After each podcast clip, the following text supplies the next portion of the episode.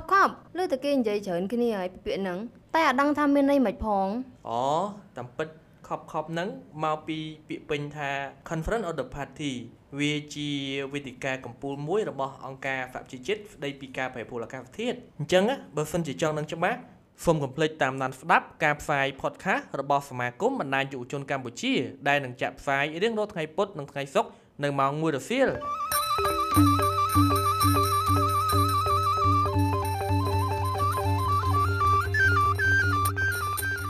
ចាជំរាបសួរនាងខ្ញុំអេងស្រីពៅខ្ញុំបាទហុយមេងទៀង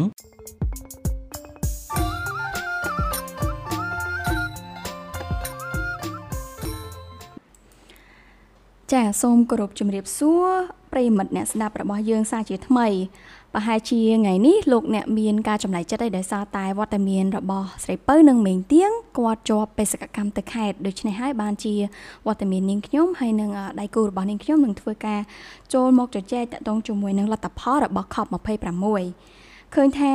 ត្រឹមតែមួយប្រព្រឹត្តភ្នែកសោះ វេទិកាស្វែងយល់ពី COP26 របស់យើង បានឈានមកដល់វគ្គចុងក្រោយបាត់ទៅហើយមែនហើយពេលវេលាពិតជាដើរលឿនមែនព្រោះថាសន្និសិទ COP26 ដែលបានរៀបចំតាំងពីថ្ងៃទី31ខែតុលានៅទីក្រុង Glasgow ចក្រភពអង់គ្លេសក៏ត្រូវបានបញ្ចប់បាត់ទៅហើយចាអញ្ចឹងថ្ងៃនេះជាកិច្ចជជែកចុងក្រោយរបស់យើងទាំងពីរដែលយើងនឹងព្យាយាមសង្ខេបនៅលទ្ធផលនៃសន្និសិទកំពូលនេះ ចាបើសរុបទៅនៅវគ្គមុនយើងបានជជែកច្រើនអំពីអ្វីទៅជា COP26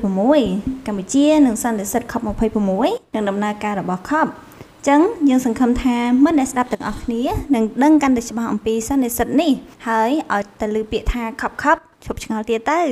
ចាអញ្ចឹងមកដល់ថ្ងៃនេះលទ្ធផលរបស់សន្និសិទឃើញថាមានច្រើន ដែលរាប់ទាំងសេចក្តីថ្លែងការណ៍រួមនិងសេចក្តីប្រកាសជាសកល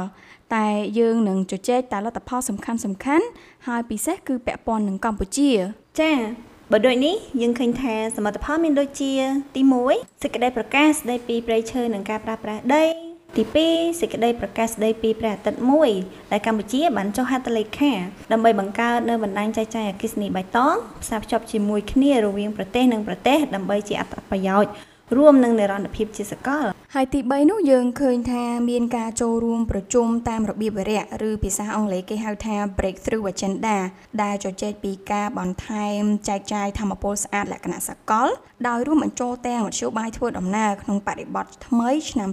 2030តែមានការប្រើប្រាស់ឡានអគ្គិសនី និងបង្កើនស្ថានីយសាកថ្មទៀតផងចំណែកទី4នោះឃើញថាមានកិច្ច ព្រមព្រៀងហិរញ្ញវត្ថុព្រៃឈើសកល ដែលអង់គ្លេសគេហៅថា The Global Forest Finance Pledge ចំណែកទី5វិញគឺជាសេចក្តីថ្លែងការណ៍រួមក្រុមប្រឹក្សាផ្លាស់ប្ដូរធម្មពលឬអង់គ្លេសគេហៅថា Focus of Energy Transaction Council ដែលមានគោលបំណងបង្កើនធម៌ពលស្អាតនិងនិរន្តរភាពដើម្បីឲ្យមានជំរើសតម្លៃសមរម្យនិងគួរឲ្យទុកចិត្តបំផុតសម្រាប់ប្រទេសនានាក្នុងការបំពេញតម្រូវការធម៌ពលរបស់ពួកគេប្រកបដោយប្រសិទ្ធភាព និងពន្លឿនការផ្លាស់ប្ដូរធម៌ពលស្អាតរបស់ពួកគេ បញ្ជាការប្រើប្រាស់ធ្យូងថ្ម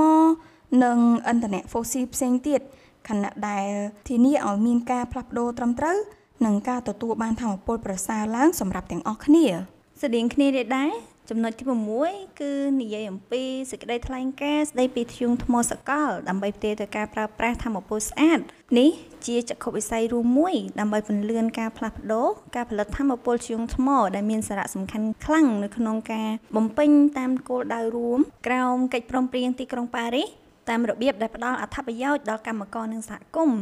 និងធានាបាននូវលទ្ធភាពទទួលបានធម្មពល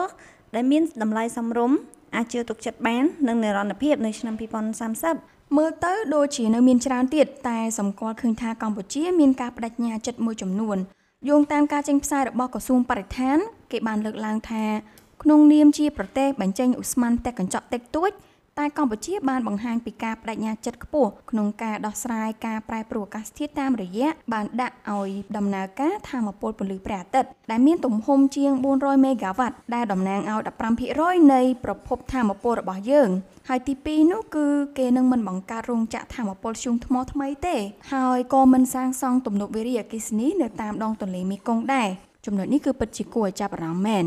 ក្នុងនោះក៏គេបាននិយាយពីការកាត់បន្ថយការបាត់បង់ព្រៃឈើត្រឹមពាក់កណ្ដាលឆ្នាំ2030និងមិនមានការបញ្ចេញឧស្ម័នពីព្រៃឈើត្រឹមឆ្នាំ2040ផងដែរនេះគឺជាសេចក្តីថ្លែងការណ៍របស់ឯកឧត្តមសាយសំអាលរដ្ឋមន្ត្រីក្រសួងបរិស្ថាន និងជាប្រធានក្រុមប្រឹក្សាជាតិអភិវឌ្ឍដោយចេរិភាពនិងជា ប្រធានប្រតិភូកម្ពុជា បានឡើងថ្លែងសេចក្តីថ្លែងការណ៍កម្ពុជានៅក្នុងកិច្ចប្រជុំលើកទី26នៃបណ្ដាភាគីអនុសញ្ញាក្របខ័ណ្ឌ សហប្រជាជាតិស្ដីពីការប្រែប្រួលអាកាសធាតុ COP26 នៅទីក្រុង Glasgow ចក្រភពអង់គ្លេសកាលពីព្រឹកថ្ងៃទី10ខែវិច្ឆិកាឆ្នាំ2021នេះឯងក្នុងនោះក៏គេបានបញ្ជាក់ថាកម្ពុជា បានដាក់ជូននៅរបាយការណ៍បច្ចុប្បន្នភាព NDC ជាមួយនឹងគោលដៅកាត់បន្ថយការបញ្ចេញឧស្ម័ន42%ត្រឹមឆ្នាំ2030ផងដែរ ជាងនេះកម្ពុជាកំពុងរៀបចំយុទ្ធសាស្ត្រអភិវឌ្ឍរយៈពេលវែងប្រកបដោយអព្យាក្រឹតកាបូនដើម្បីលើកកម្ពស់សកម្មភាពបញ្ចេញកាបូនតិច មានភាពធន់នឹងអាកាសធាតុនិងមានការអភិវឌ្ឍបែបបរិយាបន្នចុះថាដឹងថាបរិយាបន្នហ្នឹងមានន័យយ៉ាងម៉េចទេ ធ្លាប់តែលើថាពាក្យបរិញ្ញាប័ន្នប៉ុន្តែអត់ដែលដឹងថាវាមានន័យថាម៉េចទេ ចា ពាក្យបរិយាបន្ននេះបើតាមខ្ញុំយល់គឺគេចង់សំដៅដល់ការរួមបញ្ចូល មានន័យថាការចូលរួមរបស់ប្រជាពលរដ្ឋទាំងអស់មិនមានអ្នកណាម្នាក់ត្រូវបានទុកចោលឡើយចាឥឡូវបើយើងកលេចមកមើលសកម្មភាពរបស់ក្រុមអង្គការសមាគមដែលបានចុះហត្ថលេខាក្នុងសេចក្តីថ្លែងការណ៍រួមផ្ញើទៅកាន់មេដឹកនាំ COP26 វិញ មានសរុបរហូតទៅដល់23ស្ថាប័នឯណោះនិងមានការចូលរួមជាលក្ខណៈបុគ្គលសរុប18ដែលមកពីប្រទេសកម្ពុជាយើង ប្រទេសអង់គ្លេសបារាំងអាមេរិកតៃវ៉ាន់ថៃញូហ្សេឡង់អូស្ត្រាលីបែលហ្សិកនិងដាណឺម៉ាកផងដែរចាបើទោះបីជាមានការលើកឡើងពីការខកចិត្តនៃកិច្ចប្រជុំកម្ពុជានេះក៏ដោយតែយ៉ាងណាមិញ ការសម្រេចបានមួយចំនួនក៏អាចទទួលយកបានដែរមែនហើយខ្ញុំស្ដាប់វិសុបារាំងកាលពីម្សិលមិញក៏មានការលើកឡើងពីការខកចិត្តមួយចំនួនដែរដោយសារការជំនួបនេះមានការសម្រេចចិត្តភាគច្រើនរវាងប្រទេសនិងប្រទេសមិនសូវមានការសម្រេចចិត្តរួមទេ តែយ៉ាងណាក៏ដោយក៏ជាឱកាសដែលមានដឹកនាំនៅជុំវិញពិភពលោក បានជួបប្រជុំគ្នានិងជជែកពី អ្វីដែលត្រូវធ្វើឲ្យមានភាពល្អប្រសើរតាក់ទងនឹងបញ្ហាប្រែប្រួលអាកាសធាតុតួយ៉ាងដូចកម្ពុជាយើងអញ្ចឹងសង្ឃឹមថាយើងអាចសម្រេចបាននៅការបដិញ្ញាចិត្តលើកនេះទៅចុះជជែកជជែកគ្នាឃើញថាដល់ម៉ោងបាត់ទៅហើយអូមែនយើងសង្ឃឹមថានឹងមានឱកាសមកជជែកសារជាថ្មីលើប្រធានបទផ្សេងផ្សេងទៀតនាពេលខាងមុខដូចនេះរីករាយព្រះរាជពិធីបុណ្យអុំទូកខាងមុខទាំងអស់គ្នាណាកុំភ្លេចជួបគ្នានៅ podcast ក្រោយទៀតណា